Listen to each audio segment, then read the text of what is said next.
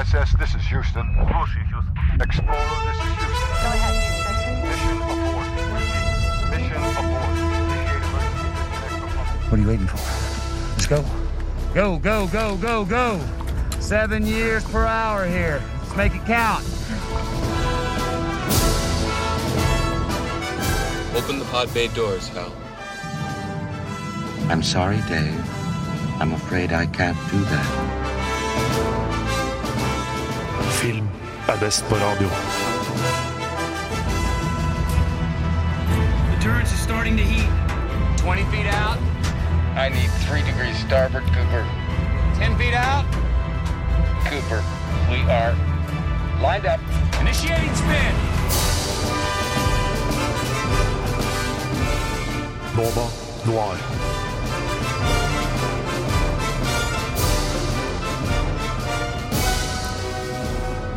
God formiddag. Det er en nydelig torsdag ute. En kald høstdag. Jeg er veldig fornøyd med det. Du kan ta på deg et ekstra lag med klær, du kan layer up. Cozy boy season. Men det er en digresjon. Jeg josser på godt nordnorsk, fordi vi er ikke her for å snakke om høst, vær eller klær. Vi er her for å snakke om film. Eh, Nova Noir, filmmagasinet på Radio Nova. Til stede i studio meg sjøl, Kim Sverre Hilton. Bjørn Kristian Sveen. Hallo! Ina Sletten. Hei. Og på The Ones and Twos har vi Ragnhild Bjørlykke. Eh, vi har fullpakka program for dere i dag. Vi skal ha romsending. Vi skal snakke litt mer om hva det innebærer. Eh, men vi skal blant annet snakke om Interstellar, 2001 Space Odyssey og Gravity. Vi får også en anmeldelse av Ad Astra og en veldig spesiell gjest til studio. Du lytter til Radio Nova. Først og fremst skal vi holde føttene planta på jorda før vi vender blikket mot stjernene. Vi skal snakke om hva vi har sett siden sist. Bjørn, har lyst til å begynne? Eh, ja, eh, begynt å se opp igjen eh, Barry, sånn at eh, samboeren min skal få sett første sesong, sånn at vi sammen kan begynne på sesong to. Eh, serien Barry handler om eh, leiemorderen eh, med navn som også tittelen, Barry, Barry. som får i oppdrag å drepe en skuespiller, og dermed ender opp med å bli med på et skuespillerkurs og finner ut at Kanskje han eh, har en annen skjebne enn den som eh, foreløpig er staka ut for han. Eh, det er jo da Bill Hader som spiller Barry. Ganske følelsesløs og nihilistisk. Tidvis veldig usikker og sympatisk type. Andre, totalt, andre ganger totalt badass. Og det er, det er en veldig morsom serie som jeg anbefaler alle å egentlig sjekke ut. Veldig bra mottatt, så vidt jeg har fått med meg. Ja, jeg tror nesten til og med sesong to er, eh, er liksom den sesongen som har fått mest eh, skryt. Så jeg gleder meg veldig til å se den. Og den får man se på HBO, er det riktig? HBO, det er riktig. Jeg tror faktisk min siden sist slåss mot din i Emmys denne helgen, faktisk. Fordi jeg har sett Barry er eh, nominert, og det er også Fleabag, den serien jeg har sett på i det siste. Den har jeg ikke sett ennå. Det er Amazon eh, Det er original, er det ikke det? Sykt bra. Eh, Det er laget Eller hun som spiller i den, det er hun som har skrevet 'Killing Eve', den spionserien. Altså hun Phoebe Waller-Bridge. Og den handler om en ja, Fleabag, da, som driver en kafé og er litt sånn nymfoman. Um, men så ligger det jo veldig mye bak her, og så er den ekstremt morsom og veldig vond samtidig. Og den familien de har, er uh, bare så ekstremt dysfunksjonell, men også veldig gjenkjennbar. Uh, og nei, det er episoder på sånn eh, en halvtime, og i hvert fall andre sesong som jeg er på nå, er også kjempegøy. Det er med han eh, han skotske, og nå kommer jeg ikke hva han heter, men han spiller en prest og som nymfoman, og da blir forelsket i en prest eh, som er eh, sølibat, er også veldig interessant. For den, og så portretterer de også kjærlighet og forelskelse på en utrolig god måte. Så den håper jeg absolutt vinner over Barry, da. Men eh, Jeg må bare si jeg satte veldig pris på uh, serier med episoder som bare var en 20 minutter, en halvtime i det klimaet hvor det er veldig vanlig å ha episoder Enig. som var 40 minutter, et kvarter, så er det liksom forfriskende å bare kunne sette på noe som ikke varer så enkelt, som har litt lavere terskel. absolutt. Og jeg tror bare sesongen er sånn åtte episoder lang også, så det er egentlig veldig enkelt å komme seg gjennom det. Anbefales, da. Mm. Riktig. Uh, meg sjøl har sett på Dark Crystal, Age of Resistance. For øvrig et ganske forferdelig navn, om du spør meg, men den er basert på en film fra 80-tallet en eller annen gang. 1982. Ikke siter meg på det. Uh, men det er dukker altså det er dukker som er karakterene. Uh, hvis dere ser for dere Yoda i de første um, Star Wars-filmene. Så er det typ noe sånt. Og um, det handler basically om en planet uh, hvis livskraft er en krystall. Og den krystallen blir misbrukt av de onde skeksiene, som er reptil, reptildukker. Og de bruker den for å holde seg sjøl i live for alltid. Um, og da den resistansen er en gjeng med gelflinger som på en måte er alveaktige skapninger som er um, native til den planeten. da. Kan jeg bare Det der er eh, det som folk som tror på romvesenkonspirasjoner, eh, tror på. Det der er Nordics versus Reptilians. Nordics versus Reptilians? Ja, så Det der er en direkte parallell til sånne teorier som, eh, som folk har om hvordan verden faktisk fungerer. Du må utdype litt. Ja, det er reptilians som har eh, infiltrert samfunnet og driver lager hybrider for å, så, å stjele krafta vår for å, så, å gjøre seg sjøl mektigere. Og så er det Nordics, som egentlig er eh, de opprinnelige romvesenene som vi kommer eh, fra. Som på en måte prøver å hjelpe oss med å eh, kjempe mot eh, reptilene. Det her er det, altså, Google det. Det er folk som tror på det her 100 og som uh, har skrevet bøker om det. Og, Verst, jeg tror faktisk jeg har hørt om den teorien Ja, ja. når du nevner reptile, rep, reptile overlords, liksom. Ja. Det kan så være, for de reptilene i denne serien er i hvert fall skikkelig ekle. Sånn, serien er liksom eh, på en måte tvers igjennom barnslig. Hovedkarakterene er litt sånn happy-go-lucky og uh, litt sånn typisk sånn fantasy, barnevennlige protagonister. Mens skeksisene iblant vil bare dukke opp og bare gjør noe helt makabert og sånn fucka greier. Og det tar deg litt ut av det. eh, og det på en måte appellerer litt til den mer voksne sida av meg, om jeg skal si det sånn. Jeg husker jeg begynte å se på den, men det som plagde meg veldig med den, var at disse dukkene lager veldig mye lyder. Sånn. Mm. Ja, og my mye, sånn- mye roping også. Og veldig mye sånn Ja, og jeg syns det blir sykt kunstig! Det var det, men det tenkte ikke du så mye over. Det er litt rart å se på dukker, men de er ikke bare dukker. De har også gjort litt CGI på de dukkene. Så litt mer livløst enn på en måte vanlig animasjon og selvsagt live action, eller hva jeg skal kalle det. Men uh, det gikk greit. Uh, det var egentlig kanskje det sterkeste med den serien, i min mening, var det visuelle og effektene. For du merker at det er mye kjærlighet og oppmerksomhet som er gått inn i det. Og det setter jeg veldig pris på. Du hadde for øvrig rett med 1982. Det er spot on. 1982, da kan dere sitere meg på det. Kjempebra. Eh, tenker vi ender på, ender på en high note der, og så spiller vi litt musikk.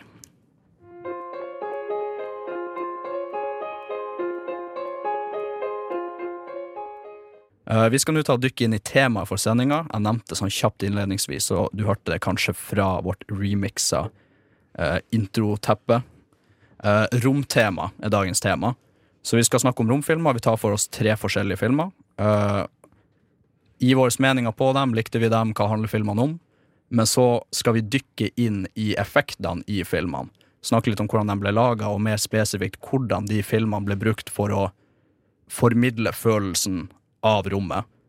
Uh, ingen tyngdekraft, det uendelige mørket, store, store greier. Og um, forhåpentligvis ha en kul samtale ut av det. Vi vil gjerne etablere oss at dette handler om romreising, og ikke sånn science fiction. Sånn. Man kunne jo liksom dratt den veldig langt og pratet om uh, filmer som også er i verdensrommet, som kanskje drar den enda lenger med, med romvesen eller uh, enda mer uh, høyteknologisk utstyr. Det er helt riktig. Men vi har jo valgt filmer som eh, er veldig nærme virkeligheten, eller i hvert fall en, en nær fremtid. Og også kanskje filmer som lener seg ganske mye på det samme. Eller som er tematisk veldig like. Det er jo uh, Interstellar er i hvert fall direkte innflytelse fra 2001. Og det ville vært rart uh, om ikke Gravity hadde det også. For det er uh, definitivt noen lignende temaer som er ute og går der. Så det blir en veldig konsentrert materie av filmer i dag. Jeg setter pris på den. En en annen ting er jo også at romvesenet Nei, romvesenet. rom, rommet. Verdensrommet. Verdensrommet og liksom det store intet spiller jo på mange måter en birolle i de her filmene. Eh, ikke bare effekter, men også på en måte den store faren som går gjennom. Og um, det er mye å ta i der. Vi har som sagt valgt det. Vi har et godt utvalg med filmer her. Interstellar og Gravity er jo nokså nye filmer som har kommet ut det her tiåret. Uh, 2001 A Space Odyssey kom ut i 1968, så vi har prøvd å få et sprik her. Uh, både når det gjelder tidsepoker og uh, vektlegging av effekter. Eh, når vi kommer tilbake, så skal vi snakke om Gravity.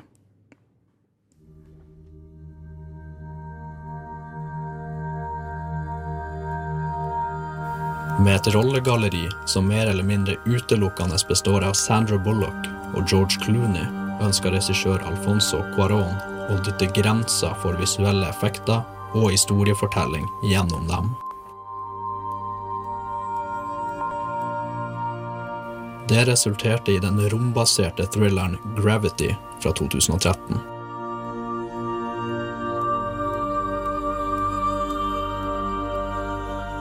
Den nokså enkle handlinga finner sted i bane rundt jorda, hvor dr. Ryan Stone og astronauten Matt Kowalski jobber med oppgraderinga til en romferge. Ting går veldig galt idet et meteorskur treffer en satellitt og setter i gang en kjedereaksjon av romskrap som sirkler jorda i ekstrem hastighet.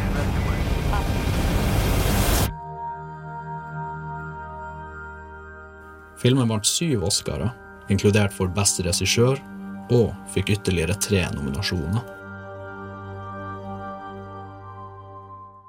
No Gravity er jo en film man får veldig mye oppmerksomhet for det visuelle og effektene, som litt nevnt i innslaget. Eh, men det er jo en veldig enkel historie også. Uh, meg personlig, jeg syns det var en OK film, men Bjørn, du er ikke så veldig glad i den. Nei, jeg syns kanskje den blir litt på den uh, enkle sida. Uh, blant annet så min hovedpetpiv med filmen er den uh, greia med spoiler. Eller spoiler og spoiler. Sandra Bullock sin karakter har mista et barn på et tidspunkt, og det er tydeligvis alt vi trenger av karakterutbygging på denne personen. For det er ingen Det er, det er, det er lagt opp til, tilsynelatende, som om vi skal bli bedre kjent med karakterene gjennom dialogen. Og at det skal legge opp til at vi skal liksom føle den isolasjonen der og være fanget ute i verdensrommet. Som er Jeg burde virkelig like den filmen her, fordi det å være fanga ute i verdensrommet er noe som jeg lå våken og var redd for eh, da jeg var liten. Det er en sånn gjengående mareritting i eh, mitt liv. Men den er bra teknisk laga, og den har fått altfor mye oppmerksomhet på det. Det er en veldig enkel film uten så veldig mye å si annet enn Og verdensrommet er farlig, det. Som vi nevnte tidligere, så kan mange av disse filmene vi skal snakke om, øh, plasseres i en sånn verdensrommet er en terapiboks, på en måte. At det blir, er mennesker som sliter med et eller annet, som blir sendt opp i verdensrommet for å deale med det. Og jeg føler det i hvert fall er veldig sånn gravity her, fordi hun drar opp dit, og så blir det egentlig bare at hun må konfronteres med eh, vonde følelser, og eh, at hun er alene, og at ja, hvis det skulle skjedd noe med henne, da, hvem hadde ventet på henne, eller hvem hadde vært lei seg, da, hvem hadde savnet henne? Og det tror jeg det jeg liker veldig godt med Alfonso Cuaran, at han har en veldig god måte å oversette den menneskeligheten og, og det et menneske ønsker seg, eller vil, eller trenger, da, eh, til filmene sine. Uh, og det syns jeg, selv om Gravity da Han har bare pøst på med alt av visuelle effekter og brukt virkelig alt han kan. Uh, og jeg syns den uh, historien om hva som skal til da, for at et menneske skal forstå at de er alene i verden, det, ja, det syns jeg er veldig fint gjort, egentlig. Jeg syns det er veldig bra, og det, jeg syns det bæres godt i det jeg vil kalle karakterutviklinga til hovedpersonen og Ryan Stone. som sagt, veldig lite av det blir forklart gjennom dialog. Ja, hun mister dattera si. Det er egentlig på en måte det vi vet om, og hun er høyt utdanna. Jeg tror hun var en medisinsk lege som av en eller annen grunn jobber på en rom, romstasjon. Og vært med på å utvikle det systemet som de skal implementere på satellitten uh, på en eller annen måte. Ja. Og det er noe som jeg liker ganske godt, den, uh, den poengteringen. Som, ja, det er, for det er også et problem som jeg har den. For det kunne jeg gjerne liksom hatt mer tid dedikert til. Det faktum at det som foregår i verdensrommet og det som foregår på jorda, har ringvirkninger på hverandre i en større kontekst enn bare eh, når det Altså, fordi den andre delen er Det her er en gigantisk katastrofe. Altså sikkert hundretusenvis kommer til å dø på jorda fordi nå det, eh, satellittnettet blir slått ut. Og som, de, som man nevner som en spøk i filmen, som derre hele den vestlige hemisfæren mista akkurat Facebook-tilgangen sin. Det er en gigantisk katastrofe som jeg hadde syntes hadde vært mye mer interessant å lage en film om enn én en enslig astronaut som prøver å komme seg tilbake til jorda. En astronaut som jeg vet ingenting om og ikke egentlig bryr meg noe om. Akkurat denne Facebook-kommentaren var jo litt George Clooney sin karakter som spiller nesten comic relief. Han flyter bare litt rundt omkring og på en måte lirer av seg småsnedige og sjarmerende kommentarer. Jeg liker den karakteren bedre. Jeg vil heller ha en film om livet til den karakteren enn eh, den filmen Gravity endte opp med å være. Ja, for han er den erfarne fyren. ikke sant? Han er på en måte ankeret. Eh, ikke ankeret i filmen, men ankeret i verdensrommet, der han er den man kan lene seg på, som har vært gjennom veldig mye. Men Bjørn, det høres ikke ut som du ikke liker at du ikke får vite mer om hun eh, doktoren. Det virker som du bare ikke liker henne generelt. Jeg liker henne ikke fordi hun er ingenting. Det, altså, det, det er, altså, jeg skjønner det at du holder karakteren på en måte ren, sånn at tilskueren skal kunne lese seg selv inn i situasjonen. Uh, og på mange måter så er jo det liksom de imperfeksjonene som hun viser, styrker jo det, fordi vi er imperfekte mennesker. Og hun er ikke den topptrente astronauten som George Clooney sin karakter er. Men jeg syns det blir for simpelt. Eh, jeg syns det blir altfor simpelt. Og eh, en annen sci-fi-film, eh, 'Arrival', har nesten den samme problemstillinga i en av hovedpersonene, men syns gjør en utrolig mye bedre og kompleks måte ut av å forholde seg til kosmiske spørsmål samtidig som man møter en person i tragedie.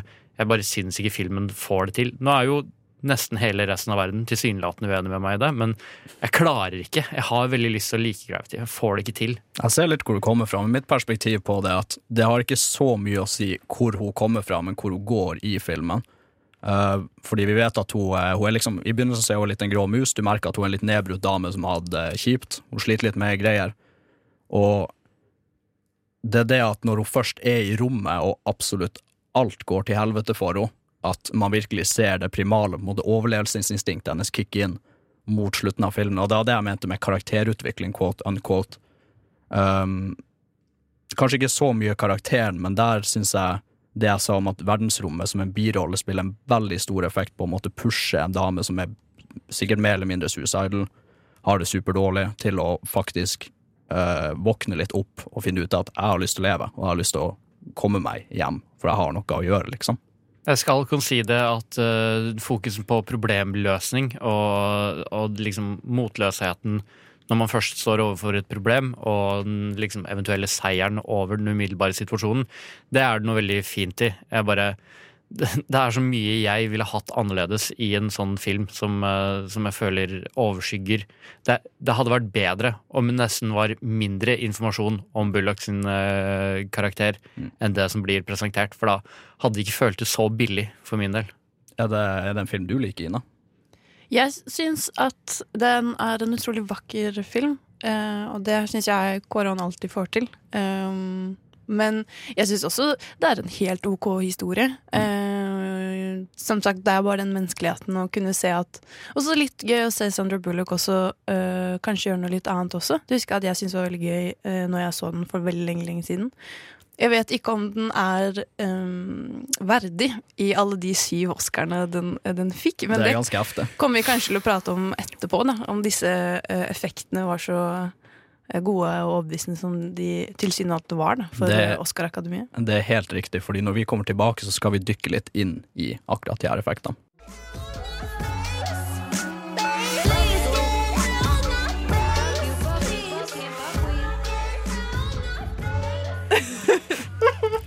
Margaret Simn av Deborah's Child. Vi har fått besøk av en kylling i studio, i tilfelle dere hører liksom bakgrunnslatter. Den rare gangen er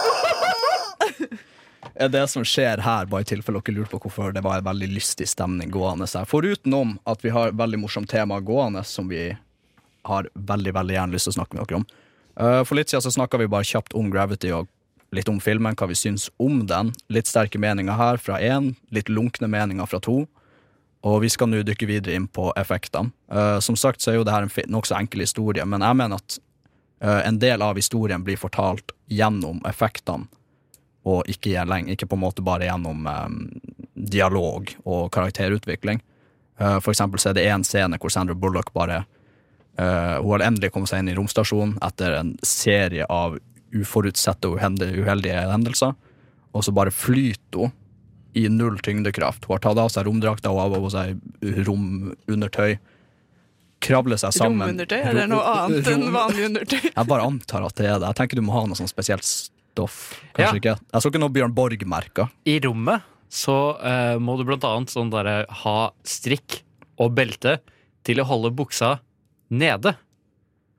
For hvis Nede? ikke, så kryper det lenger opp på kroppen. Ja, ja, ja, ja. Så belter i verdensrommet fungerer motsatt av belter på jorden. Ja, For du vil ikke at rombuksa skal skli opp i skyggedalen din? Nei. Det er litt, ja, det styrer vi unna. Men det jeg prøvd Hvis vi ser bort ifra rom klær og rom undertøy, uh, man ser at hun kravler seg sammen som en ball i Det fosterstilling. er fosterstilling, helvetes. Det er for det er, ok, Kanskje noen overtydelige symboler eh, her i gården, men det er jo åpenbart at hun er en liten baby inni magen.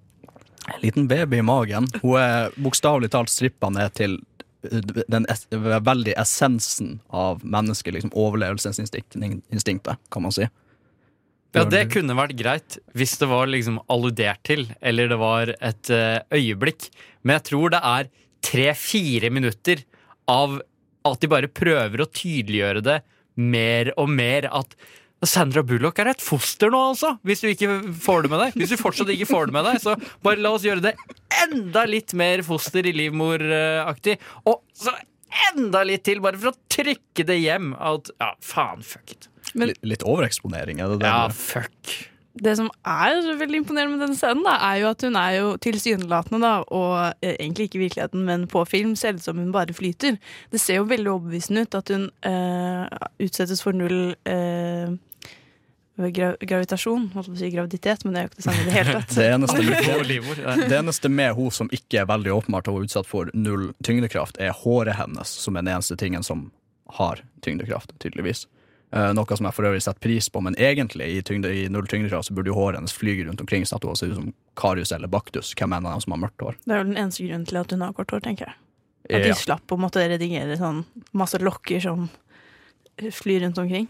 Og bare derfor vi ser George Clooney med romhjelm, selv om han sikkert hadde hatt hårgelé i det. Eh, men filmen er jo Det. Det som er litt gøy med denne filmen, er at Alfonso Cuarón, da han uh, diskuterte den først med cinematografen sin, så sa han det her er en enkel historie, vi har to skuespillere, vi kommer til å knocke ut denne filmen her på ca. et års tid. Det han da ikke visste, var at mye av teknologien de følte at de trengte for å lage filmen, ikke eksisterte, så de måtte gjøre mye av det sjøl. mye av det er CGI. Uh, den første scenen er en sånn single take shot, på en måte. Nærmest utelukkende CGI, uh, hvor de basically bare har limt på ansiktene til Sandra Bullock og George Clooney. Andre effekter som er uh, Gravity spiller jo åpenbart en stor rolle her. Vi ser Sandra Bullock bli flynga i øst og vest, ta bakoversaltoer utover i rommet. Uh, de henter seg inn, de hekter seg fast i tråder, ja da, ja da, og veldig sånn stor jojo-effekt. Og det jeg syns var litt kult med det, er at mye av det blir gjort Ja, ok, du har en green screen, green screen bak som viser bakgrunnen, uh, men mye av det er at de faktisk henger i tau og blir liksom slengt på en måte i øst og vest som en dukke, eller en marionett, det det man kaller det.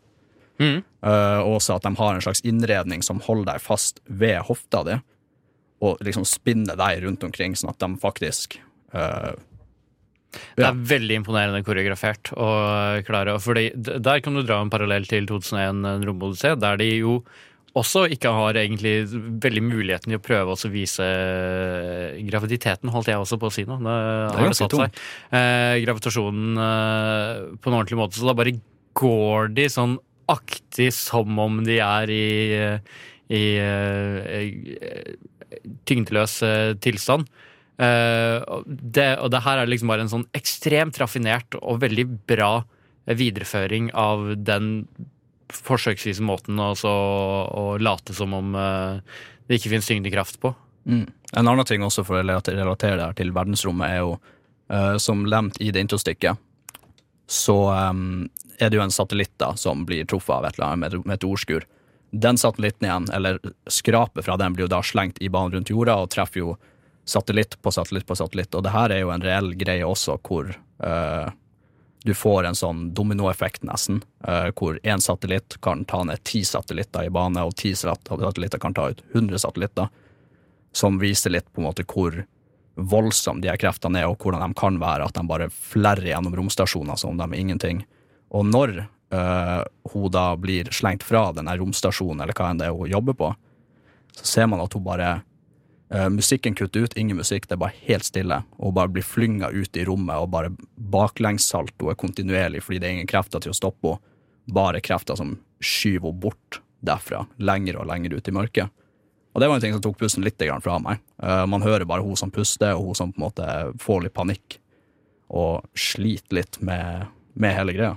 Ja, det filmen gjør utrolig godt, er at du føler den panikken. Eh, det er jo Interstellar også, det skal vi snakke om senere. At du får denne indre panikken, og du, du føler deg så hjelpeløs. Det er nettopp fordi eh, når du er tyngdesløs, som du sier, det er ingenting man kan gjøre med det, egentlig. Og uansett, sånn jeg føler Slik jeg har oppfattet det, da, så er det veldig lite trening også som kan forberede deg på å komme deg ut av det også. Eh, I hvert fall når det bare er deg, da, og du har ikke noe å holde tak i, eller noe som kanskje kan eh, lette på balansen din. Da.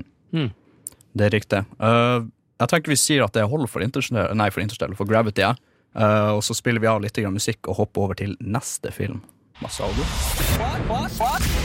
Radionova er best. Alle andre er tapere. Radio Nova. Vi skal nå både hoppe bakover i ti- i tid og framover i tid samtidig, for de neste filmer vi skal ta for oss, er 2001 A Space Odyssey fra 1968. –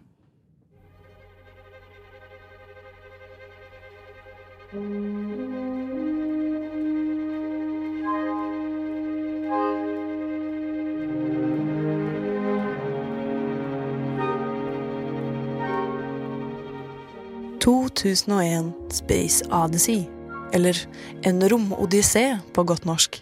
Filmen kom i 1968, altså et lite år før mennesket selv gikk på månen. Det er regissør Stanley Kubricks åttende film, og den eneste han har vunnet en Oscar for. Beste spesialeffekter. Romodysseen varer i to og en halv time, og da er det vanskelig å oppsummere alt filmen tar for seg. Men i all enkelthet så handler 2001 om Dave Broman, spilt av Keir Dulay. Han blir sendt ut på en romferd for å finne opprinnelsen til en mystisk artefakt menneskene graver opp på månen. Med seg på laget har han HAL 9000, en supermaskin som skal styre Dave i riktig retning, på godt og vondt. Jævla dritfilm. Nei, Vet du hva? Jeg må bare si det. Uh, ok, Ikke dritfilm som i den forstand at jeg syns det er en dårlig film, fordi disclaimer, jeg gjør ikke det, men jeg misliker den veldig, veldig sterkt.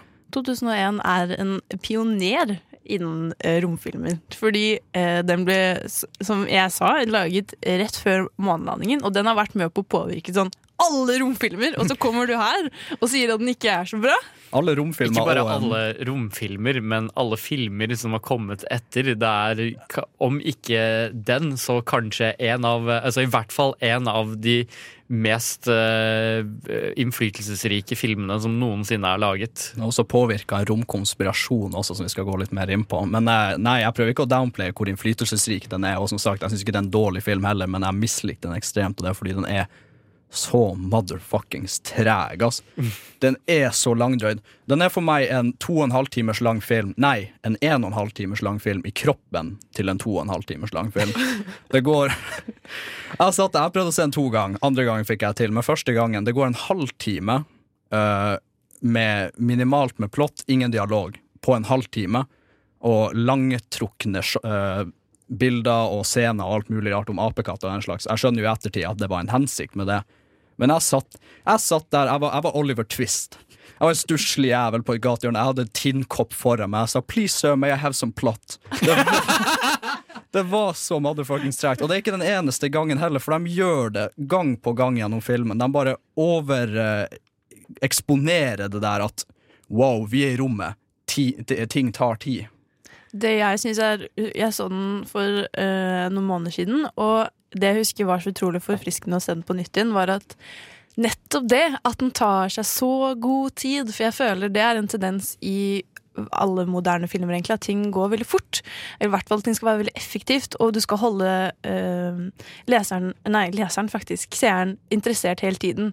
Og det gjør ikke 2001. 2001 forventer å ha din oppmerksomhet uansett hva som skjer, og det elsker jeg at Kubrick bare kjørte på med. og Var som, vet du hva, du skal se på han gå gjennom den gangen i fem minutter, og sitte der i 20 minutter. Det skal du tåle. Der igjen så tenker jeg også at en film som, eh, for å spille på det poenget der, at den passer nok bedre på mange måter i den tida den kom ut, hvor du ville betale for en billett og sitte og se den på kino, og du kunne få en pause imellom, som det faktisk er i filmen. Mens nå i eh, det jeg på en måte vil kalle for en litt mer sånn eh, popkorn- eller mikrobølgeæra når det kommer til TV-serier og filmer, så blir den, for meg, i det tregeste laget. Det som er faktisk litt gøy, er at når 2001 kom, så fikk den ganske lunkne, eller litt sånn mixed uh, anmeldelser.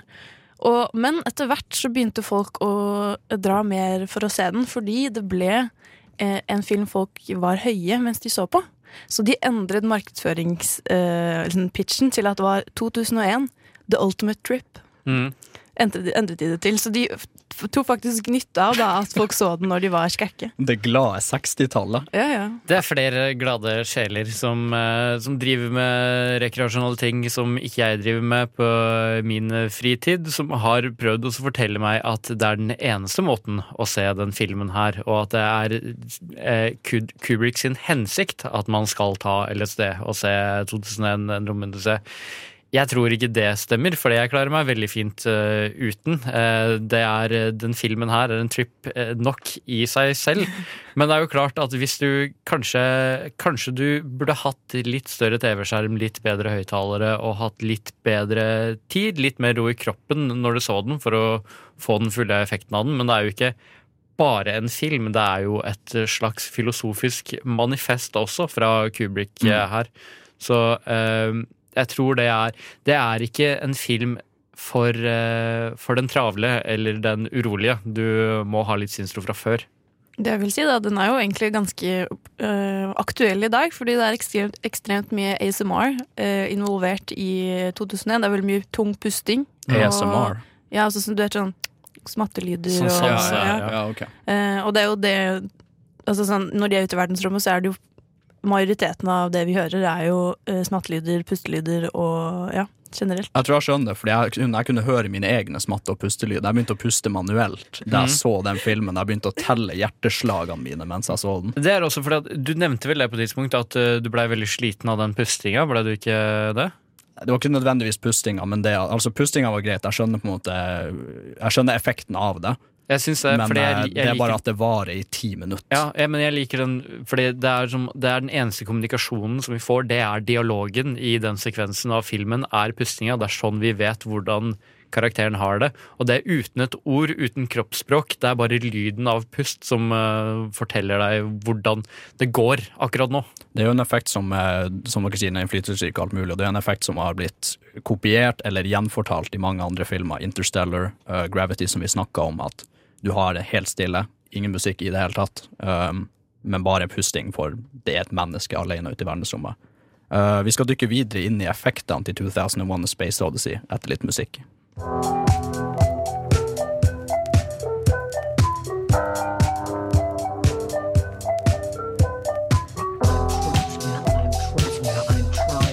2001 A Space Odyssey. Eh, en film som jeg gjorde poeng ut av at jeg tror kanskje jeg hadde satt mer pris på å lese manuset enn filmen, og du har faktisk Og da fant jeg eh, manuset. manuset, og så så jeg 2001 med manuset ved siden av meg, og jeg tror kanskje det kunne hjulpet eh, litt, fordi manuset og filmen er utrolig ulikt. For det var der jeg tenkte at manuset ville være i de scenene som er veldig langtrukken, og han bruker ti minutter på å komme seg to meter, så vil Mm. det bare være én setning i manuset hvor det står han bevegde seg to meter, og så kunne jeg gå videre med livet. Men det var litt mer enn som Det så. var mer enn som så. Det er, mer, eh, det er litt mer eh, fordi eh, manuset er jo skrevet av Kubrick sammen med Arthur C. Clarke, eh, sci-fi-forfatteren. En av de mest eh, profilerte og suksessfulle eh, sci-fi-forfatterne av det forrige århundret.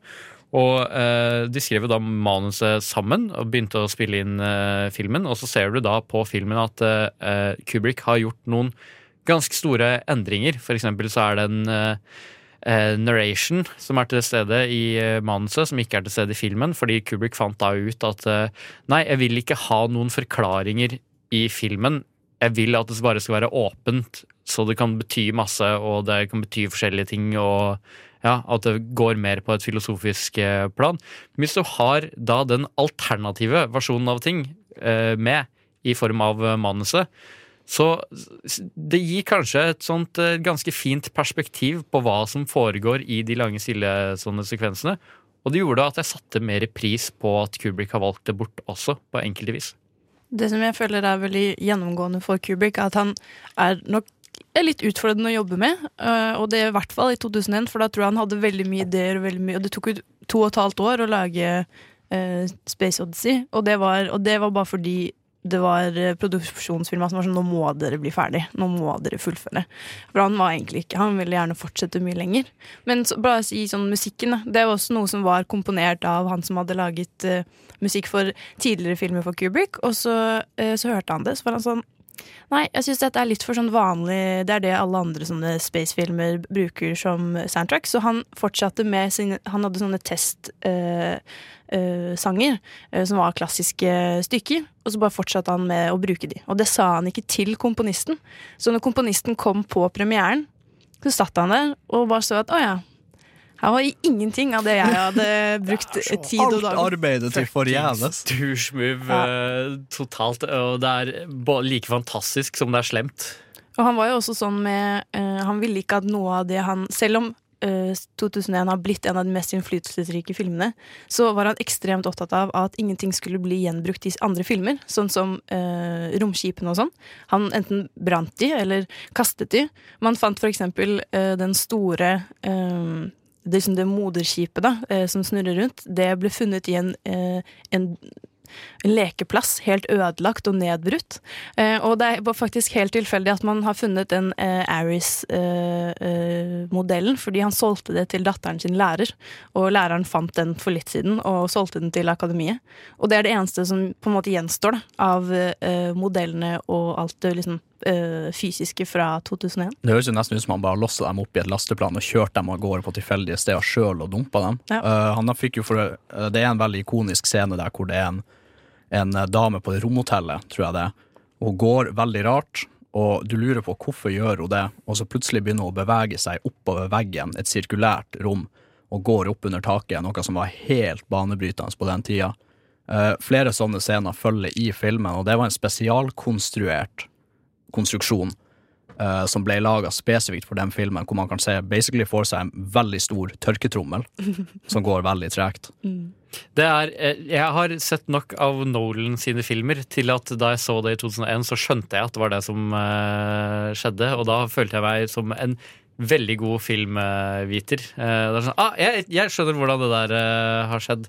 Da følte jeg meg skikkelig smart. For eh, fysiske effekter var jo også noe som gikk igjen, litt naturligvis fordi det er lenge siden filmen kom ut, så CGI og effekter var ikke så fremtredende på den tida. Fun fact til det, grunnen til at de bruker Jupiter som målet for reisa, er for de egentlig ville bruke Saturn.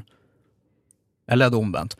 En av de fl- Nei, det er planetene- Jupiter som er i det er filmen. Jupiter, ja. Ja. Og de ville egentlig bruke Saturn, men teknologien på den tida tillot ikke å fremstille en planet med ringer rundt, så de gikk for Jupiter i stedet for. Og i Interstellar så, gikk de, så går de for eh, et ormhull i nærheten av Saturn som en referanse til 2001.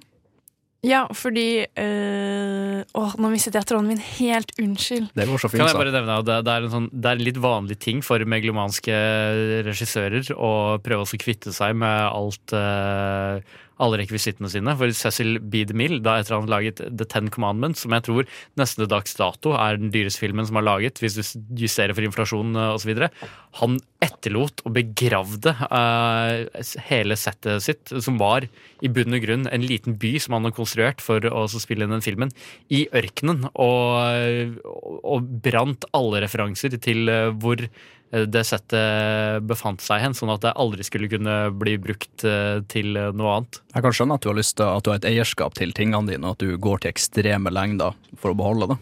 Sånn som du nevnte, Kim, da, det med at uh, man ikke hadde teknologien til å fullføre det. Det er også nettopp det at de hadde jo ikke vært i verdensrommet nå heller. Uh, den ble jo laget tre Eller uh, filmen kom tre måneder før vi faktisk gikk på månen. Så det er jo mye som var veldig litt sånn Vi vet egentlig ikke hvordan ting fungerer, vi vet egentlig ikke hvordan ting ser ut. Sånn som når man ser på jordkloden. øh, det var ingen som visste om det var sånn jordkloden så ut fra verdensrommet. Så øh, han som var designeren for liksom, jordkloden, var dritfornøyd. Fordi han så at sånn, han hadde malt jordkloden på glass. Og så hadde han skrapt bort malingen for å få til de skyeffektene. Og så hadde de tatt lys på den. Og det eneste han var misfornøyd med, var at, i ettertid, var at jordkloden var altfor lys.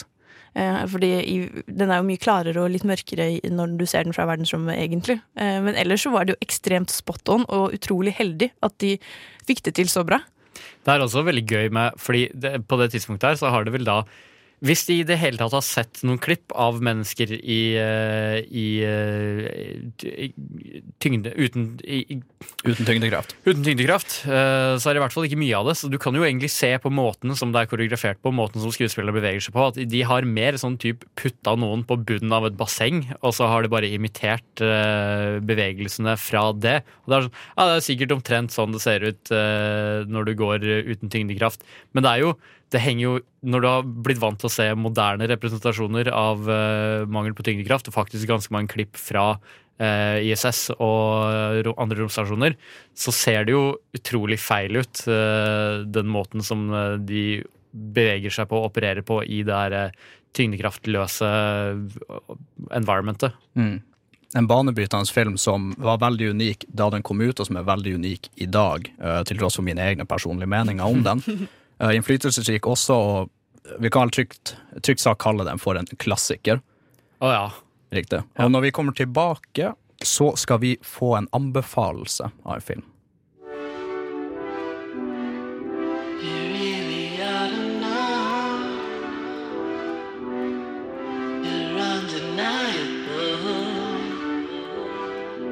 Vi skal nå bøye tid og rom litt og sette universet på pause, fordi vår egen Ludvig Verndal Viltil skal anbefale actionkomedie sci-fien Attack the Block.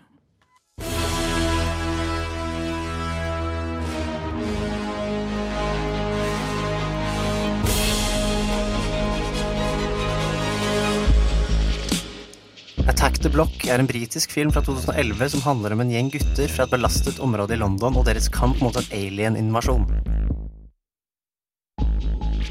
Filmen omhandler Moses og vennegruppen hans som har ugagn som yndlingshobby. En Guy Fawkes-natt kommer et bestialsk romvesen krasjende ned fra ingensteds. Den andre hovedkarakteren er Samantha, som blir rana av guttene innledningsvis. Fryktløse i sin uvitenhet klarer guttene å overrumple og drepe vesenet, for deretter å slepe det etter seg langs gaten i et tau, som en måte å paradere den for nabolaget.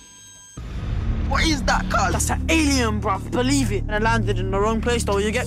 The wrong place. Welcome to London, motherfucker. Guttenes umiddelbare reaksjon er å vise frem vesenet til folk de kjenner, samt vise den frem til Ron, den tvilsomt allvitende lokale dealeren. Kort tid etter er guttene vitne til at flere romvesener som daler ned som meteorer ned til akkurat denne drabantbyen i Sør-London, kommer i hopetall. Resten av byen er lykkelig uvitende bak støyen av Guy Fawkes-nattfyrverkeriet.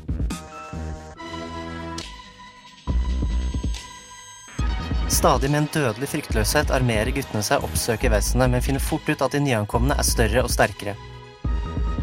De ender også etter hvert opp på lag med Samantha, og filmen fortsetter slik i et høyt tempo. Romvesenet har et groteskt utseende og ser ut som noe som kunne vært en ubrukt rekvisitt fra Alien. No bloody clue. Maybe there was a party at the zoo and a monkey fucked a fish? Dette er altså ikke snakk om intelligente vesener, men morderiske monstre. Dette er på ingen måte en ny form for alien survival-film, men det er backdropet som gjør den unik. Attack the Block er en eklektisk blanding av sci-fi, action, ungdomsfilm og komedie med et hint av sosial kommentar. Krigen med romvesenet blir aldri tatt med ut av nabolaget, og ingen utenfra, som politiet eller andre, dukker opp. De blir heller ikke trodd når de prøver å forklare seg. Dette reflekterer forsømmelsen flere utsatte urbane nabolag i større byer opplever. Når det er sagt, er det ikke overbærende i en ellers underholdningsfokusert film. Rollebesetningen består annet av Jodie Whittaker, den nåværende Dr. Who, som Samantha, og John Boyega, kjent som Finn i de seneste Star Wars-filmene, i sin første filmrolle. Den ellers amatørmessige besetningen, spesielt blant de unge skuespillerne, passer til filmens beskjedne budsjett, og at det passer naturlig inn i settingen og subkulturen. Filmens høydepunkter er den raske og vittige dialogen, sjangerblandingen og så klart romvesener mot tenåringer-premisset. Det er en lett mottagelig film, og om den kanskje ikke er en genistrek, er den et godt tilskudd til sci-fi-sjangeren.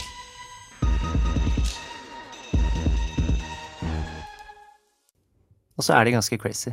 I'm killing them. I'm killing them straight. Let's get tooled up, blood. Uh, vi skal nå vende øynene opp mot universet nok en gang, fordi vi skal snakke om Interstellar.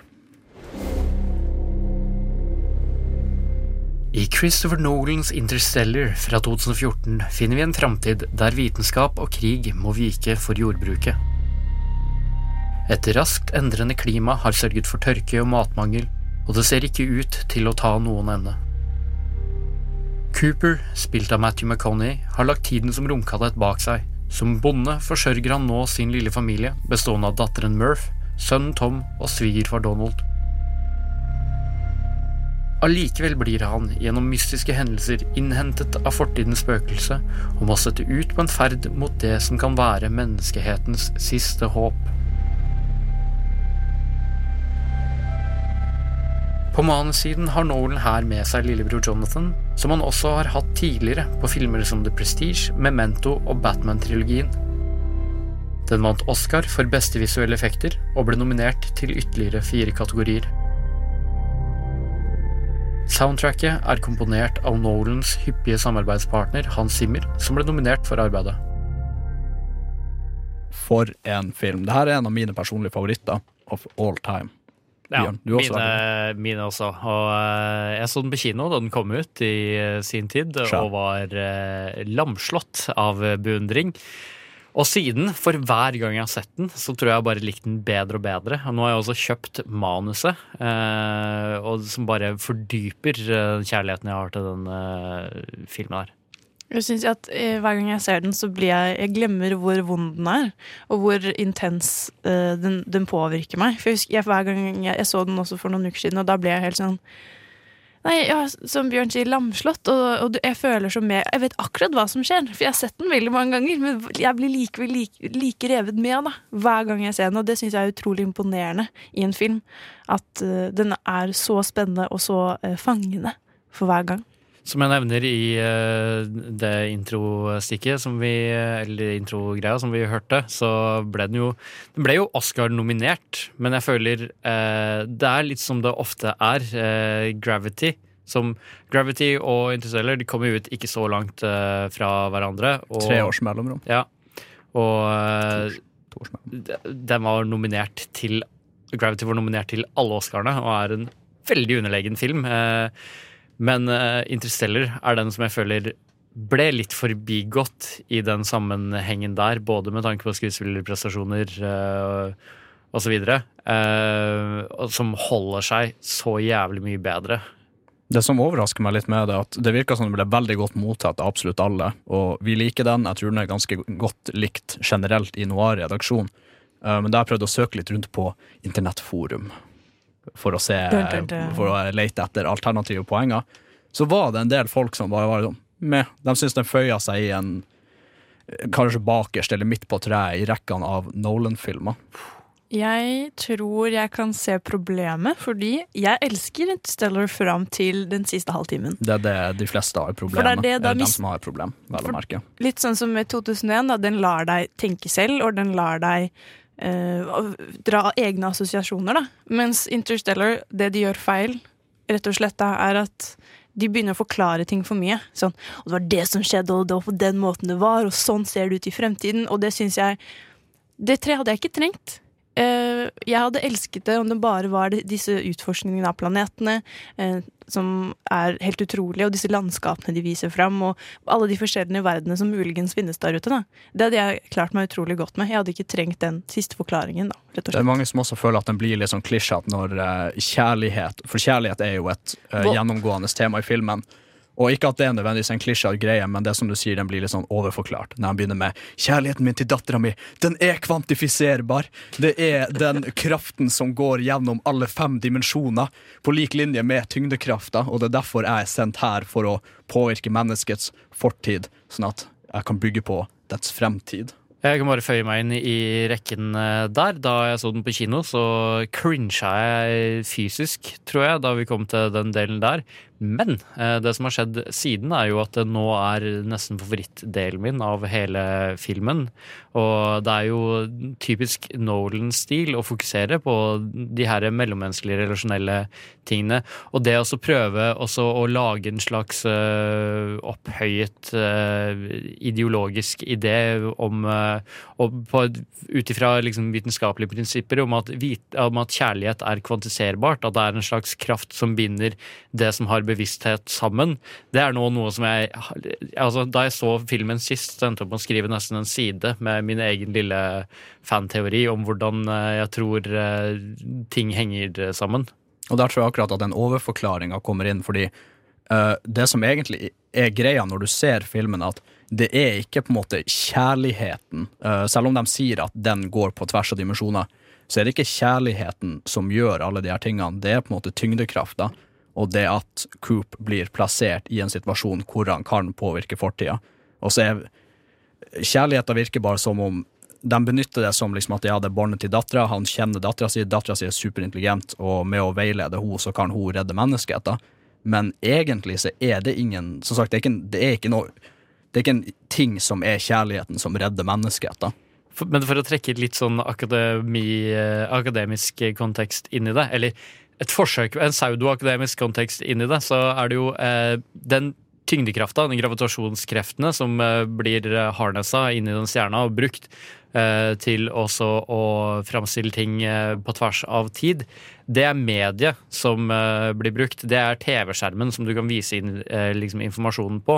Men du må også ha et språk å kommunisere gjennom denne kanalen på. Altså en sanselig ting. Og eh, du kan ikke Altså, det, det er vanskelig å kommunisere med signaler som er tydelige å tolke eh, ved bruk av den kraften. Så min liksom personlige fanteori er at eh, Murph og, eh, og Coop er nødvendige for kontinuiteten på denne utviklinga her. fordi med mindre du har to personer som har en mellommenneskelig eh, tilknytning som gjør at de kan forstå hverandres signaler på den måten, og lese så mye informasjon ut av det som blir kommunisert på tvers av tid gjennom de her basale kreftene, så er ikke den kommunikasjonen mulig.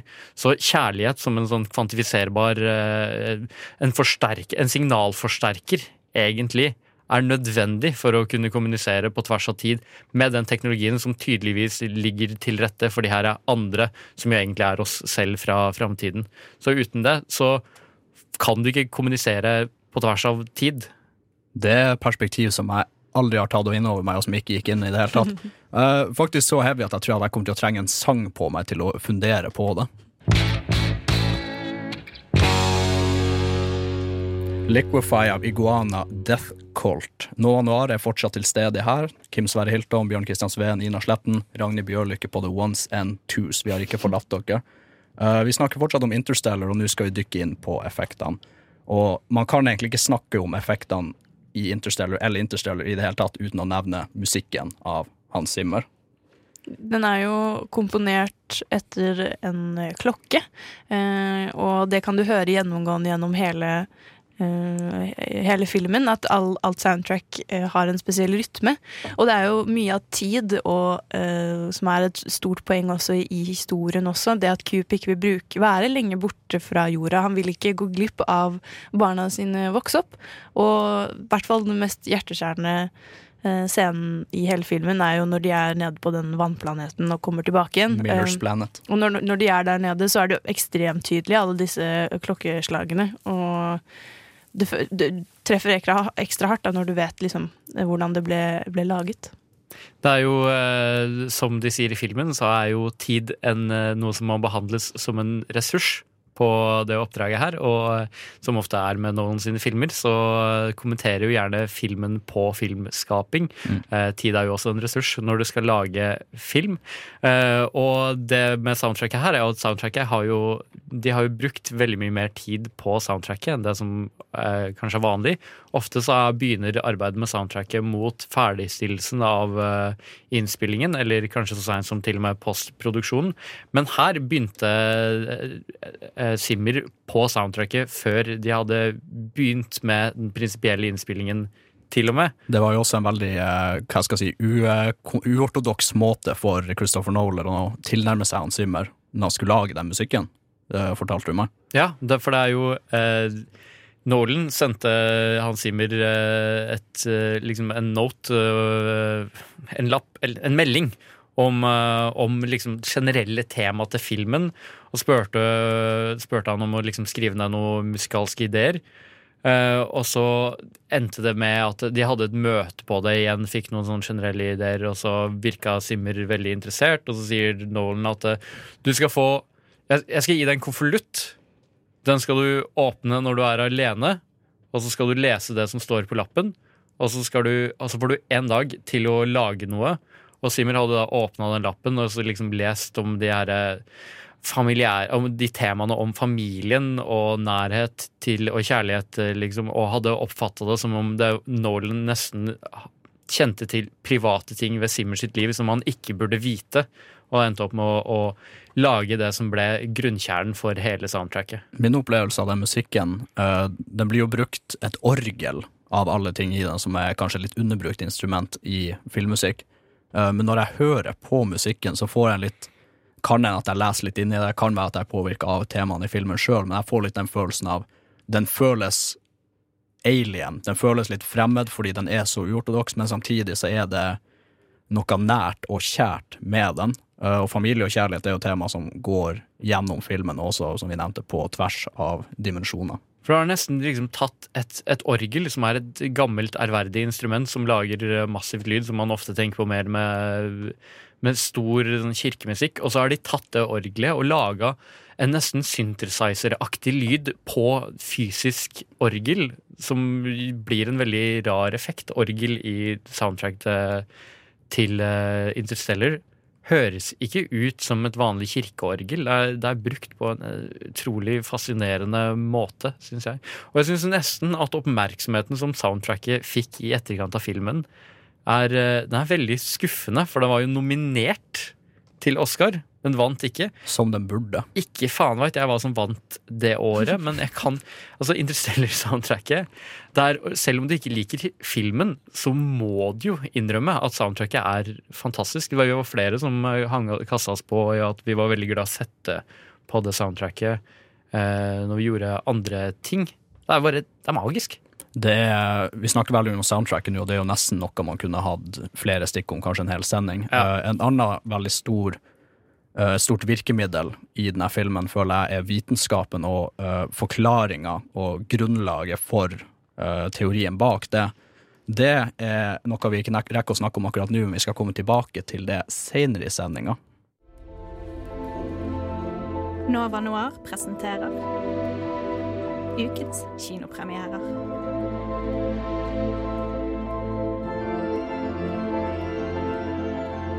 Så Det er riktig. Uh, vitenskap ble du lov, lovt, og vitenskap skal du få litt senere, men først og fremst så har vi en rykende fersk anmeldelse av Ad Astra. Please describe your current emotional state. I'm steady, calm, ready to do my job to the best of my abilities.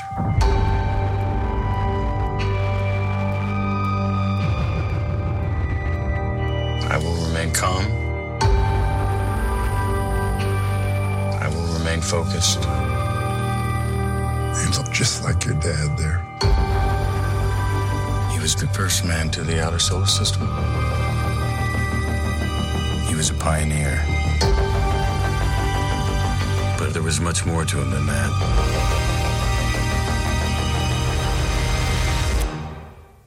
Please state your mission objective. I am attempting to stop an uncontrolled antimatter reaction, which threatens our entire solar system. We're approaching Mars. Og for å levere den anmeldelsen har jeg vært så heldig at vi har fått besøk av vår egen Hanna Holm Aune. Hei, Hanna. Hallo! Eh, Ad Astra, en av de eh, Det nyeste eh, tilskuddet til uh, sci-fi-thrillere med eh, leading men i hovedrollen. Ja, eh, fordi nå er det jo på andre gang på under en måned hvor Brad Pitt har en film på kinoen. Mm. Eh, og denne gangen er han hovedrollen i James Charles' nye film, altså Ad Astra. Og den handler om at i eh, de, de sa på filmen at det var i den nære fremtid, men det kan vel diskuteres, eh, at eh, jorda blir, blir eh, utsatt for kosmisk stråling, som de finner ut er fra omtrent Neptun, eh, der, eh, som slår ut alle elektriske systemer, da, så flere hundre tusen mennesker dør. Eh, så er det da astronauten Roy McBride, som blir spilt av Brad Pitt, som blir valgt ut til å dra på et eh, eventyr i verdensrommet for å stoppe strålingen. Det han ikke vet, er at det er faren hans som er mistenkt for å stå bak disse angrepene. Um, ja, så denne filmen her er Altså, det er egentlig hva man trenger å vite om handlingen, da, i, i forkant. Um, og dette her er jo en film som er estetisk pen. Det er jo en film som er satt i verdensrommet, og den gir jo sin egen stil, eh, sin egen følelse. Og det bruker jo filmen aktivt med den eh, med at eh, man blir presentert for dette stillhet og den tomheten som er i verdensrommet. Eh, og det blir annet brukt i actionscener som et virkemiddel.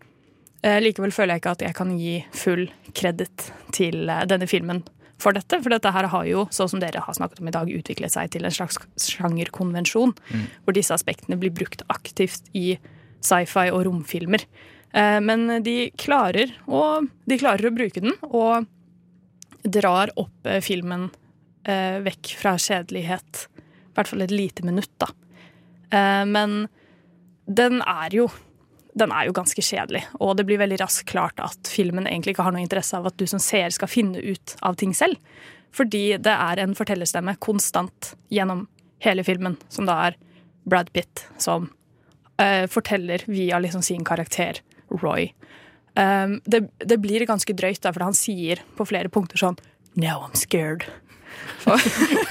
Han illustrerer til Ja, og med. Uh, Så det, det gir liksom ikke noe Det åpner liksom ikke for at Brad, Brad Pitt skal liksom selv uttrykke det via følelser.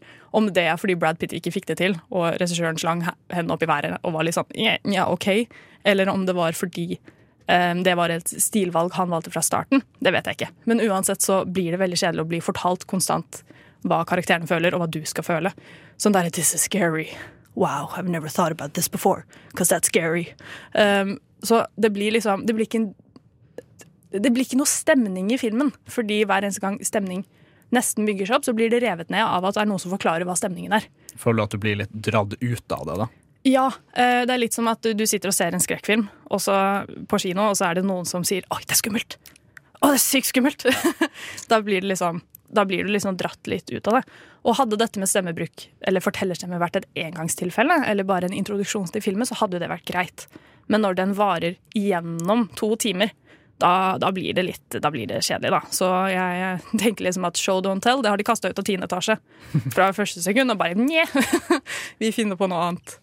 Um, ja, det er jo stemningen da som mangler i denne filmen. Det er denne intensiteten uh, som aldri blir bygd opp. Og det skjer spesielt fordi filmen er delt opp på en måte, i ganske faste sekvenser. Der den første sekvensen er at Brad Pitt er på jorden, og så er det Brad Pitt på månen, og så er det Brad Pitt på Mars. og så er det Brad Pitt på vei til Neptun, og liksom hva som skjer der, da. Um, det, det, ingenting av det som skjer på jorda, blir noensinne tatt opp igjen. Ikke noe av det som skjer på Mars, blir noensinne tatt opp igjen. Som er litt rart, fordi det skjer ting som de kunne gjort veldig mye ut av. Sånn, det er veldig mange stemninger og veldig, eller veldig mange konflikter og sånt da, som, eh, som de bygger opp som veldig intenst og veldig viktig, og så bare slipper de det. Og, bare, mm, mm, og så går de videre. Um, Så det er egentlig bare Brad Pitt som er viktig i denne filmen? ja, det er egentlig bare Brad Pitt, og han er den eneste um, karakteren som er konstant, annet enn uh, Tommy Lee Jones, som spiller pappaen hans, som er med i sånne bruddstykker som man egentlig skal huske at han også er en del av denne filmen. da. Jeg har bare ikke hatt spørsmål for å på en måte relatere det til eh, temaet i sendinga. Hvis du skal legge dem på en skala fra liksom helt urealistisk sci-fi opera, typ Star Wars, til eh, en nokså realistisk dokumentar om eh, månelandinga, hvor vil du legge den? Vil du si at det her er liksom en, en, en romfilm som gir mening? Nei. Ehm, til en viss grad ja, fordi de bruker jo de uh, konvensjonene som man har her. Altså, man har jo hvordan uh, tyngdekraft funker, til en viss grad. Man har hvordan stillheten og lydbølger i rommet funker. Eh, og eksplosjoner og liksom sånne ting. Og så bruker de jo lyd litt mer fritt, da. Jeg vil ikke sette den helt på Star Wars, fordi der har de, det er jo et bevisst valg for å gjøre den mer underholdende. Og her virker det som at de har lyst til å balansere den på både underholdende, men realistisk. Men det går ikke helt. Det er litt som at eh, du skal ha disse delene av eh, Gravity, hvor man hører alt eh, akkurat der du liksom tenker at å, her burde det være et smell. Så det funker liksom ikke helt. Så oppsummerende tanker, da. Likte du filmen? Likte du den ikke? Jeg kjeda meg så utrolig mye når jeg så denne filmen. Den er to timer lang og er bygd opp i rare sekvenser som ikke går noe steder. Som blir åpenbart ganske fort. da. Eh, Det jeg koser meg mest med, er eh, det er en del av filmen som bare er så absurd. At eh, det, skal, det er åpenbart ment for å være sjokkerende. Eh, Men du blir liksom sittende litt sånn åh. litt sånn å ja, lol. Og så begynte da jeg og noen andre i salen å le. Fordi det kom så ut av det blå. Og det bare var litt sånn å! Det var, Det er sjelden et godt tegn. ja, eh, det var liksom sånn stemning Det var åpenbart ment for at det skulle være så utrolig, utrolig eh, sjokkerende. Eh, men det ble liksom bare så out of place at du ble egentlig bare mer satt ut og syntes det var komisk. Um, og det som er dumt også, er at man blir aldri kjent med karakterene. Fordi de som er der, er der i de sekvensene de har blitt tildelt, og så forsvinner de. Mm. Uh, så man blir, ikke, man blir ikke kjent med noen. Og de som liksom skal på en måte ha en rolle i filmen, er egentlig bare en person som skal gi deg noe, og så går du videre. Det er litt som en sånn dårlig videospill. Um, og den, den kombinasjonen av veldig kjedelig historie og karakterer som bare eksisterer på et veldig overfladisk plan, er veldig kjedelig. Så jeg har valgt å gi denne filmen en to av ti. En to av ti. En to av ti. En to tomler ned, to av ti. Fordi herregud så mye jeg kjeda meg under denne filmen. Eh, Nesten så jeg skulle ønske at jeg ikke var til stede i studio, for jeg gleder meg veldig til å se den filmen. Beklager, Eh, Kim. Men jeg følte at jeg, eh, hvis du ikke drar og ser den nå, så føler jeg at jeg har gjort jobben min, egentlig. Jeg, Sånn er det. En, en ærlig og ufiltrert mening. Det er det vi strever etter her hos Nova Noir. Uh, når vi kommer tilbake, uh, først og fremst, tusen takk Anne, for at du stakk Jo. innom. Eh, når vi kommer tilbake, så skal vi få nok et besøk, og vi skal diskutere vitenskapen bak de filmene vi har snakka om. Velkommen til Nova Noir, hvor ekspertene analyserer, dissekterer og observerer film. To timer med eksperter som elsker film, som puster film, som elsker med film i bakgrunnen. I motsetning til deg, din jævla forpult drittsau som tror på alle anmeldelsene du leser på VG og fuckings Dagbladet, så gir det femmer av seksere som vi gir tre av ti, for vi kan bedre enn deg, og vi er bedre enn deg generelt. Så hør på Nova Noir på Radio Nova. Ekspert er jo akkurat det vi har prøvd å konsultere her, for vi har fått et veldig spesielt besøk i studio i dag. Det er Dag fra Vitenselskapet. Og eh, han er her for å hjelpe oss å forklare litt av vitenskapen bak filmene vi har snakka om. Det skal jeg, Kim. Det er hyggelig å være her. Ja, det er veldig hyggelig å ha det her. Eh, vi kan jo gå rett på det, egentlig. Vi har jo Interstellar, Mm. eh, favorittfilmen til oss tre i studioet. Ja. Og eh, det er jo en film som, hvor tid har veldig mye å si. eh, Mm. Spesielt bøying av tid. Ja. Kan du forklare det litt for oss? Ja, fordi som vi vet etter Einstein så er tid og rom Det er bare aspekter av en og samme tid. En og samme ting. Romtid. Så Derfor har du dette kubeuniverset som representeres som nettopp en kube. Og siden vi fant ut, eller Einstein fant ut, eh, at tid og rom er eh, bare aspekter av samme ting, så er det faktisk slik at eh, vi kan bøye denne romtiden. Og dermed gjøre noe så spesielt som å reise i tid. Uh, har du et eksempel på noe som bøyer tid og rom? Ja, det er da nettopp det de tar i bruk i Interstellar for å komme raskt til disse systemene vi ønsker å besøke. Så er det slik at vi har jo ikke ennå funnet opp warp drives. Vi er ikke i Star Trek eller Star Wars. Så lenge. Så vi kan ikke bruke Vi har ikke nok energi i våre redskaper, i våre romskip, til å kunne eh, flytte oss så raskt. Så vi må dra, ta i bruk universets egen ormehull, Mm. som er da nettopp en slags eh, En eh, firedimensjonal eh, portal gjennom romtid, som på mange måter transcenderer romtid. Slik at du har et ark, så vil du gå fra A til B på det arket. Men, og det er jo da romtid. Men det tar for lang, for lang tid. Så det man gjør, er å brette arket, som da er romtid, slik at du bretter punkt A og punkt B over hverandre, og så lager du et lite hull gjennom det, og det er ormehullet. Ja, fordi man kan vel se litt på romtid som eh, nesten som et, et stoff. Et eh, type fabric, på en måte. Og hvis du da strekker ut et laken ikke sant, og legger en kanonkule midt på, ser man hvordan lakenet strekker seg rundt det. Ja. kanonkula i dette tilfellet er jo da eh, noe med en stor masse, eller en, et eller annet Mm. som eh, på en måte utstråler en tyngdekraft på et slag. Det leder til sånne utrolig kule uttrykk som eh, 'folding the fabric of space and time', eh, som Riktig. høres sinnssykt kult ut. Mm. Og det er faktisk, eh, selv om det er veldig fine bilder, så er det også noe sannhet i det. Fordi vi må jo representere disse tingene på en eller annen måte. F.eks. Med det rutenettet du nettopp snakket om, Kim. Og det, er, det må vi huske på er at det er, det er litt metaforer her. Og det er litt representasjoner. Så det å for eksempel Når han snakker om or- ormehull, så er jo det da en sirkel. Vi kan ikke representere den fullt ut, fordi den er jo firedimensjonal. Den går over våre tre dimensjoner. Så det kule er at i Interstellar og de har, så har de prøvd å representere dette uh, ved, å, ved at det skal være en sfære. Altså det skal være en, en slags kule. Riktig, for da var forklaringa på det at du tenker jo at det skal være bare et hull, ikke sant? Men er et hull i In the fabric of space and time. Det er ikke hvilket som helst hull. Det er en sfære. Det er noe Ja. som bøyer lyset. Slik at det ser helt uh, fucka ut, for å si det rett ut. Riktig. Og da er det kule med Interstellar. Det ser ut som noe du ikke har sett før. Det ser ut som rett og slett uh, en slags uh, ting som plutselig bøyer seg i en sirkel. Mm. Og videre over til Gravity, da, apropos ting vi har ikke, ikke har sett før, eller har sett før. Det er jo en veldig sånn jojo-effekt. Jeg har litt lyst til å snakke om gravityen, tyngdekrafta i Mm. gravity. Hvordan det blir framstilt. Og så vidt jeg har forstått det, så er det noen problemer med det. Ja. Det er det for eksempel så er det jo Sandra Bullock. Dette ble, det blitt ganske kjent at håret hennes eh, flyter ikke rundt hodet som det ellers skulle gjort in zero G. Riktig. Uh, og det er en annen ting, en annen fun fact som folk ofte misforstår, er at man tror at det ikke er noe tyngdekraft uh, der ute oppe på romstasjonen, men det er alltid litt. Og det er jo fordi eh, det å Når en romstasjon eller et hvilket som helst annet objekt går i sirkel rundt jorda, eller et annet eh, stort eh, gravitasjonsobjekt, så er det egentlig et slags kontrollert form for fall. Fordi de er påvirket av tyngdekraft. De bare faller konstant rundt objektet uten å selvfølgelig treffe det.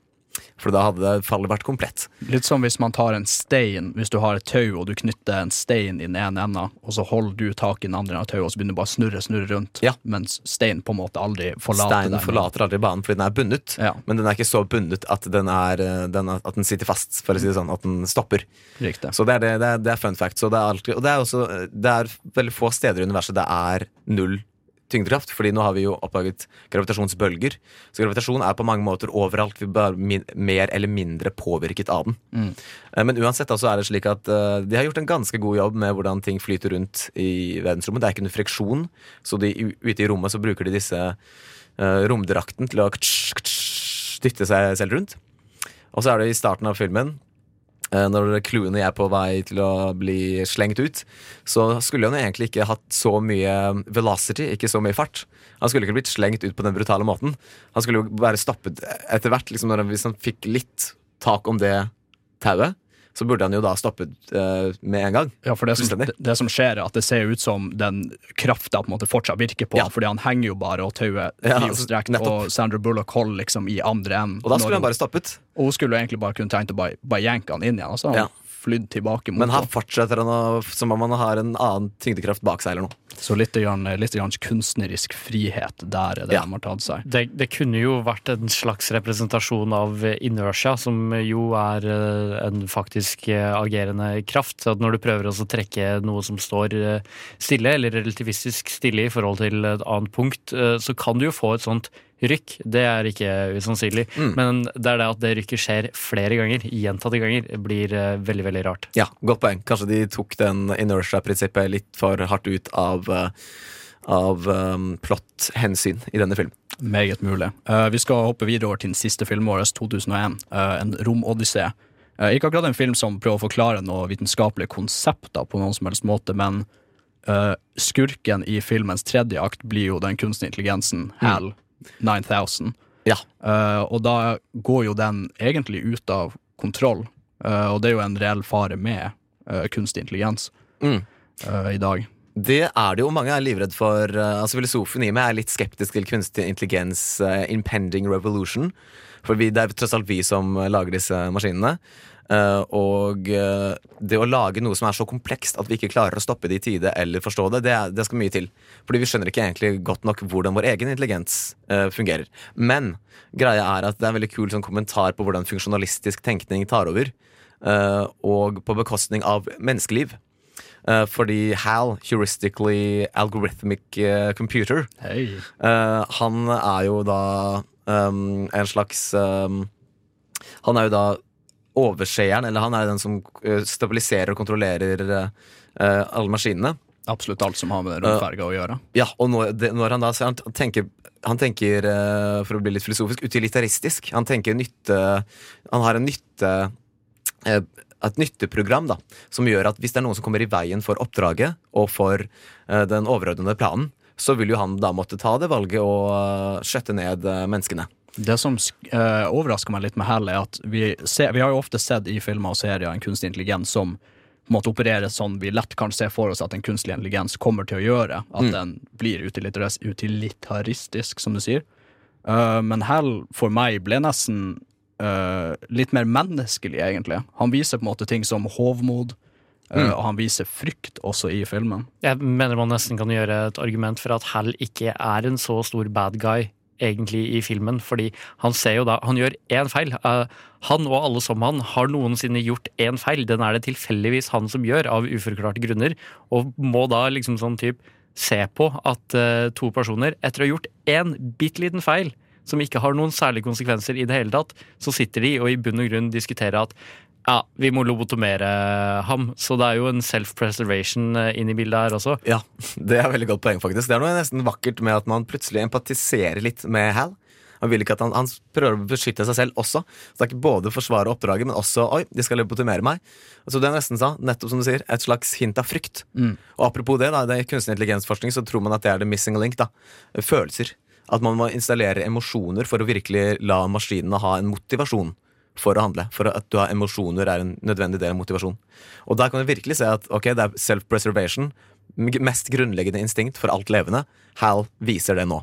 Det er jo for øvrig også noe de bare berører kjapt i Interstellar, hvor de sier at eh, Matt Damon sin karakter sier du vet hvorfor vi ikke sendte roboter for å gjøre de livsfarlige Mm, oppdragene? ja. Fordi du kan ikke programmere dødsfrykt i dem, og det er jo gjerne det liksom Overlevelsesinstinkt er vel kanskje noe av det mest primale mennesket har. Mm.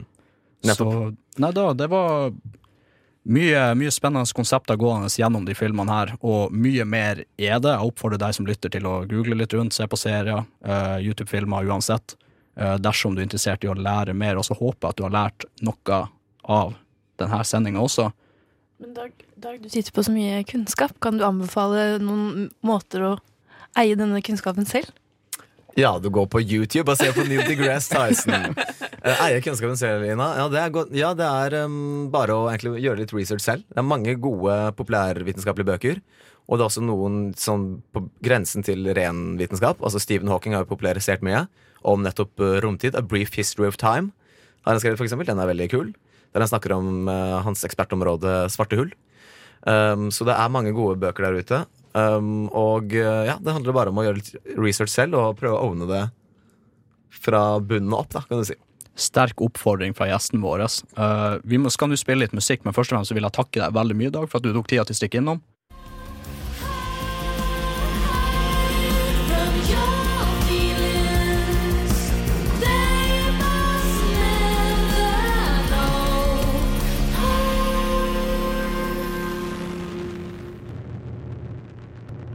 Det var They See You av Juno. Uh, vi skal nå ta og rappe opp sendinga. Det har vært uh, svært innholdsrikt for vår del. Vi har snakka om både Interstellar, vi har snakka om 2001 A Space Odyssey, vi har snakka om Gravity. Vi har hatt en anmeldelse fra vår egen Hanna Holm Aune. Uh, Ad Astra hun ga den to av ti. To av ti! Beklager, beklager å måtte si det. Bjørn har gledet seg så mye til filmen at han forlot faktisk studio fordi han ville ikke høre begrunnelsen bak det. Og du ønsket at du ikke var det. Jeg ønsket at jeg ikke var det, men det var dessverre jobben min å være der for øyeblikket. Men du ønsket å være her hele resten av sendingen, da. Det har vært helt uh, sydgøy. Utrolig morsom sending. Jeg skulle ønske vi hadde mer tid. Jeg også. Det var, eh, for min del så skulle i hvert fall det vitenskapsstikket vi hadde nå, det kunne gjerne vart mye, mye, mye lenger. Herregud, ja. Um, ellers, som sagt, takk til Dag fra Vitenselskapet for å stikke innom og uh, bringe litt tyngde til påstandene våre. Tyngde til meningene våre og tyngde til uh, måte vitenskapen ja. bak filmene. Ja, for det er mye arbeid som er blitt gjort der. Uh, ellers, takk til deg, Bjørn. Takk til deg, Ina, for å være med meg i dag. Takk til Ragnhild på teknikk. Nova Noir, takk for oss.